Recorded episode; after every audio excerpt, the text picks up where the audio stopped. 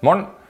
Eh, Mitt navn er Tom Borsa, og jeg skal nå holde et innlegg om vurdering av depresjon hos eldre med bruk av eh, kartleggingsskjemaet MADERS.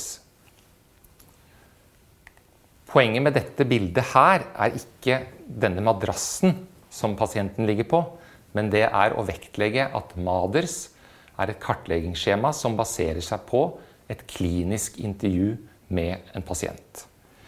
Eh, og MADERS skjema det kan lastes ned eh, på Aldring og helse sine nettsider. Og her er en disposisjon for foredraget. Jeg vil først snakke litt om depresjon i henhold til de diagnostiske kriteriene i ICD-10. Så vil jeg snakke litt om eh, MADERS, hvordan dette ble utviklet som en skala som skal være følsom for endring. Eh, så vil jeg si litt om graderingen av MADERS-scoren. Eh, så referere en faktoranalyse av MADERS eh, blant en populasjon med eldre og depresjon. Så vil jeg si litt om valideringsundersøkelser, altså gyldighetsundersøkelser av MADERS hos eldre. Si litt om forløp av depresjonssymptomer målt da med MADERS og forløp av depresjonssymptomer hos eldre. Og så vil jeg gi en liten oppsummering av foredraget. Så depresjon det er en klinisk diagnose. Og disse diagnosekriteriene i ICD-10 er ikke spesifikke for den eldre populasjonen. Så disse diagnosekriteriene gjelder for alle. Og de er dikotome, som vi sier. Det vil, det vil, da si at enten så er symptomet til stede, eller så er det ikke til stede. Og ICD-10 opererer med tre såkalte kjernesymptomer på depresjon, hvorav to av disse symptomene må være til stede. Så definerer man følgesymptomer, og av disse syv symptomene så må minst to være til stede. slik at for at man skal ha en klinisk depresjon i henhold til ICD-10, så må man ha minst fire av disse symptomene. Og så graderer man depresjon i mild, moderat og alvorlig. Og skal man ha en alvorlig depresjon, må alle tre kjernesymptomene være til stede, og minst fem følgesymptomer, da til sammen åtte symptomer. Og MADERS det ble utviklet på slutten av 70-tallet i et svensk-engelsk samarbeid. Og hensikten, som står i originalartikkelen, var å utvikle en depresjonsskala som skulle være følsom for endring. Endring, hvordan måte, behandling endrer pasientene. Så den er konstruert for da å fange opp behandlingseffekter og endringer underveis. Et annet poeng var at man ønsket en, eh, anvendelig, et, et, anvendelig skjema som ikke skulle ta så veldig lang tid å bruke. Eh, I den originalartikkelen så gjorde man eh, altså Man utviklet dette eh, MADERS-skjemaet, Montgomery Aasberg Depression Rating Scale, eh, på en populasjon av 106 deprimerte pasienter i alderen 18 til 69. Og de ble da behandlet med ulike antidepressiva i fire uker. Og måten man gjorde dette på da, for å få en, et anvendelig skjema som er følsom for endring, var at man først fant de 17 mest forekommende symptomene. Alle disse 17 symptomene som man først så var vanligst, hadde en forekomst på 70% eller mer. Og så blant de 17 eh, symptomene så beregnet man en endring av gjennomsnittsscoren på det enkeltsymptomet. Og så beregnet man eh, sammenhengen, korrelasjonen mellom endring av hvert symptom og totale endringen. Videre, ut fra eh, den beregningen, så var disse 17 symptomene, og hvem som da hadde høyest korrelasjon til total endring, og de som da endret seg mest av enkeltsymptomer, så, fant, så valgte man ti symptomer. Og F.eks. psykomotorisk retardasjon ble ikke tatt med i MADIS fordi dette symptomet ikke var blant de vanligste. Senere, så, også i dette arbeidet, så undersøkte man reliabilitet og så hvordan folk i Sverige og England vurderte måte, det samme, og så at det var godt samsvar mellom de vurderingene. Og også at det var en høy grad av validitet, gyldighet. Dvs. Si at totalscoren av MADES var et gyldig mål på alvorligheten av de depressive symptomene. Det var også samsvar mellom uh, ulike helse, altså ulike grupp, grupperinger av helsepersonell. Uh, høy samsvar, som også er et uttrykk for at skalaen er reliabel. Så uh, ut fra dette arbeidet så fant man da frem til disse ti symptomene. Og her er de ti symptomene på MADERS sånn som de er opplist, opplistet i versjonen som ligger på Aldring og helse sine nettsider. Som man ser av symptomene, så er det ikke hovedvekt her på de somatiske symptomene. Og hvordan er det man skal eh, vurdere eh, pasient med bruk av MADES? Eh, MADES er et såkalt semistrukturert intervju, hvor de eh, ulike de ti ulike depressive symptomene scores på en skala fra 0 til 6.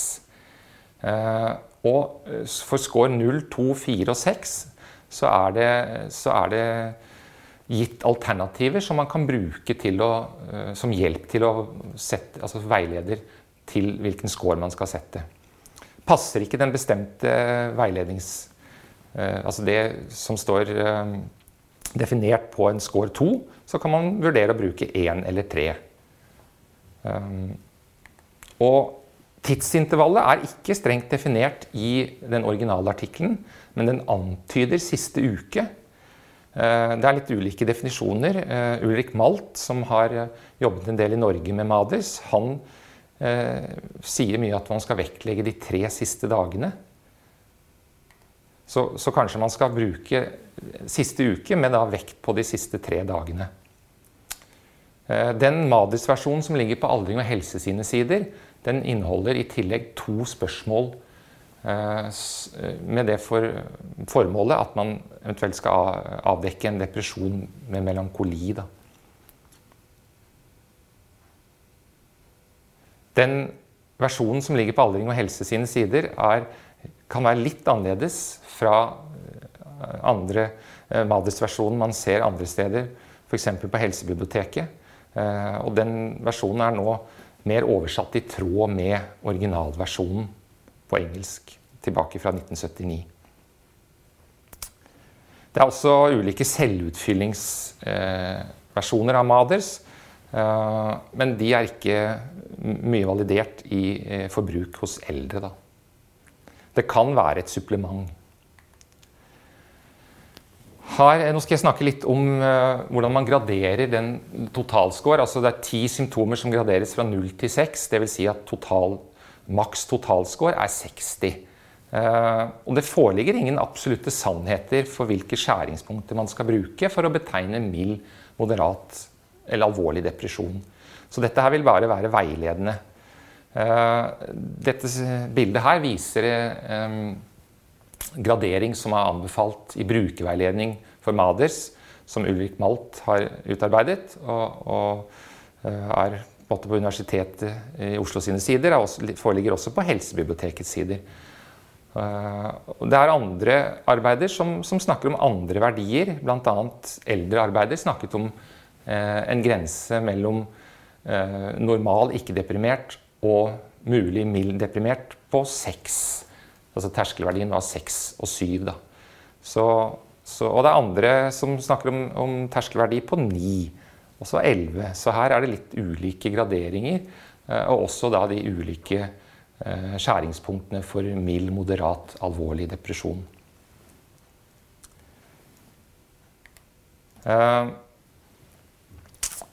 Eh, nå vil jeg snakke litt om faktoranalyse. En faktoranalyse som er gjort, en studie som er gjort da, hos eldre med depresjon. Eh, og hva er en faktoranalyse? Jo, det er en statistisk analysemetode som man eh, forsøker å komme på sporet av underliggende eh, grunndimensjoner eller underliggende dimensjoner som kan ligge bak resultatene i f.eks. et eh, spørreskjema. Da. Så vi ser På figuren her så er det Omadis ti eh, skjema. Og så prøver man å, se hvordan de ulike spørsmålene kan grupperes inn i faktorer eller da underliggende dimensjoner. Eh, og En såkalt eksplorerende faktoranalyse har ingen bestemt teori på hvordan dette her er. Men det er ikke sikkert, det er ikke gitt hvor mange faktorer man kommer frem til heller. Men man vil på en måte se på data og se om man kan finne forenkle data og finne noen underliggende dimensjoner i data. Og dette er da gjort eh, i en populasjon hos eldre, for, eh, altså eldre med depresjon, med det da for øye å se om det er noen underliggende dimensjon, dimensjoner i depresjonsbegrepet i en populasjon med eldre. Eh, og disse som ble valgt ut i denne undersøkelsen, var 225 pasienter, 60 år eh, eller eldre, og med depresjon i henhold til eh, DSM-4-kriterier, som er ganske likt som ICD-10-kriterier, men kanskje litt strengere enn eh, de ICD-10-kriteriene. Men i denne undersøkelsen ble pasienter med demens eller andre hjerneorganiske sykdommer ekskludert. Snittalderen var 70 år, og det var folk som hadde hatt, eh, eldre som hadde hatt, sin, hadde hatt depresjoner tidligere, og også eh, nye, altså førstegangsdepresjoner. Eh, og hva fant man i denne undersøkelsen? Jo, man fant en såkalt trefaktormodell. Som man forklarte med da, underliggende dimensjoner. Prøvde å se hvordan disse eh, ulike eh, spørsmålene, svarene på spørsmålene kunne grupperes sammen. Og de grupperte de da inn i én dimensjon som man kalte for eh, dysforisk apati, retardasjon, som man eh, tenkte at dette går på, som påvirker dette med motivasjon. Så ser dere hvilke spørsmål som på en måte var eh, som, som var, eh, hørte sammen i denne måten da, å se det på.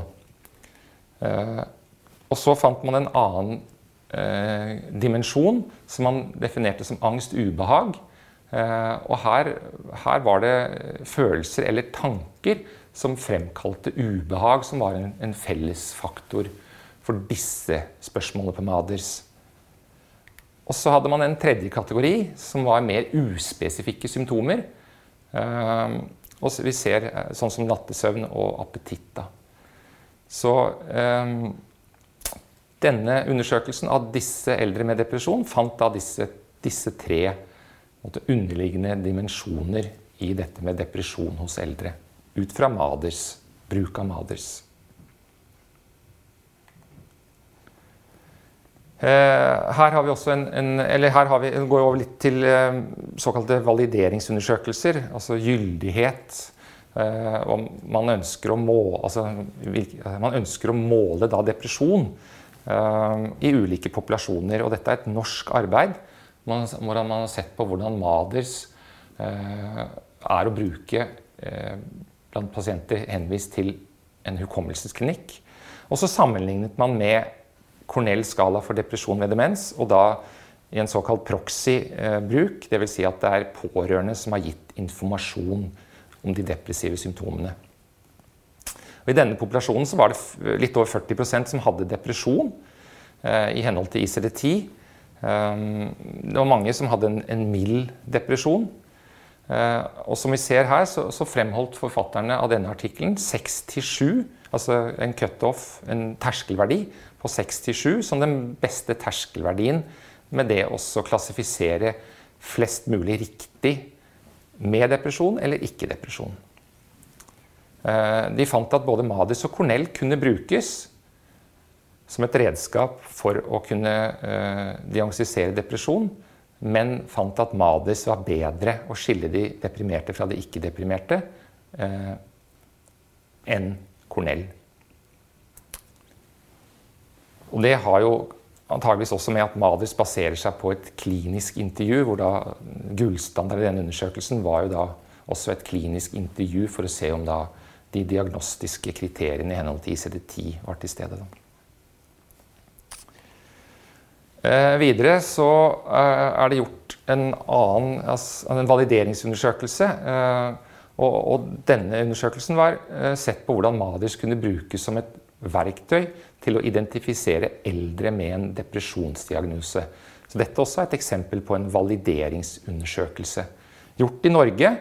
Eh, og her er det eh, samlet da eldre pasienter fra ulike steder, ulike situasjoner. Både alderspsykiatrisk avdeling, sykehjem og geriatrisk avdeling.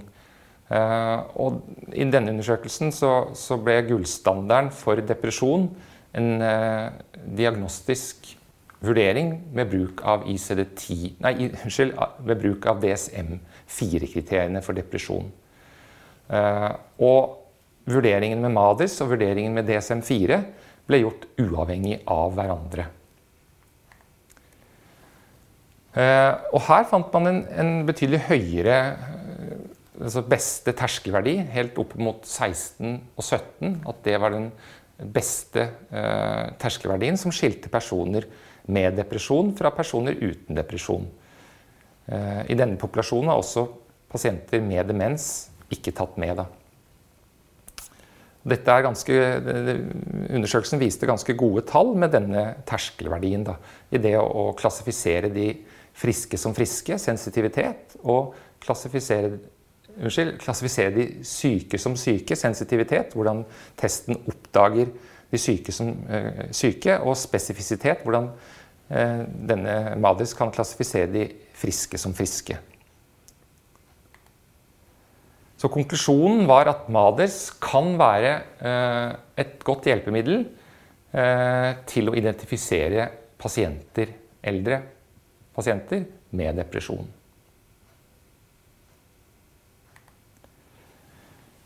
Eh, så vil jeg snakke litt om forløpet av depresjonssymptomer målt med MADERS. Og dette er også en norsk undersøkelse som ser på forløpet av depresjonssymptomer målt med MADERS eh, blant eldre pasienter henvist med depresjon til innleggelse i norske alderspsykiatriske sengeavdelinger. Eh, så I denne undersøkelsen så man hvordan det gikk med de ulike MADERS-symptomene i forløpet av en innleggelse. Så hvordan det var når pasienten ble lagt inn, og hvordan det var når det ble skrevet ut. Så hvordan dette hadde endret seg.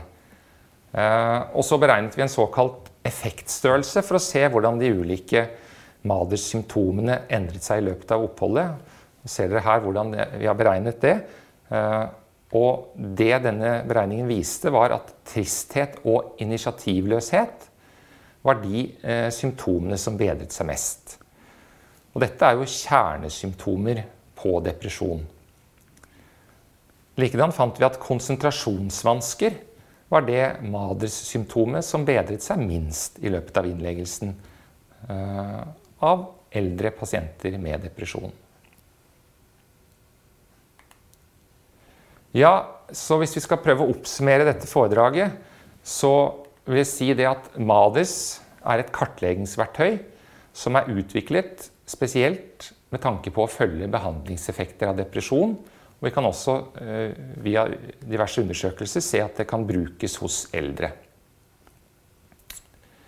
Eh, de ulike graderingene av Madiscore er veiledende. Det er ulike forskjellige, eh, altså forskjellige skjæringspunkter for gradering, og også da ulike terskelverdier for, for hvordan man skal definere de, best definere de deprimerte som deprimerte, og de friske som friske ved bruk av MADERS.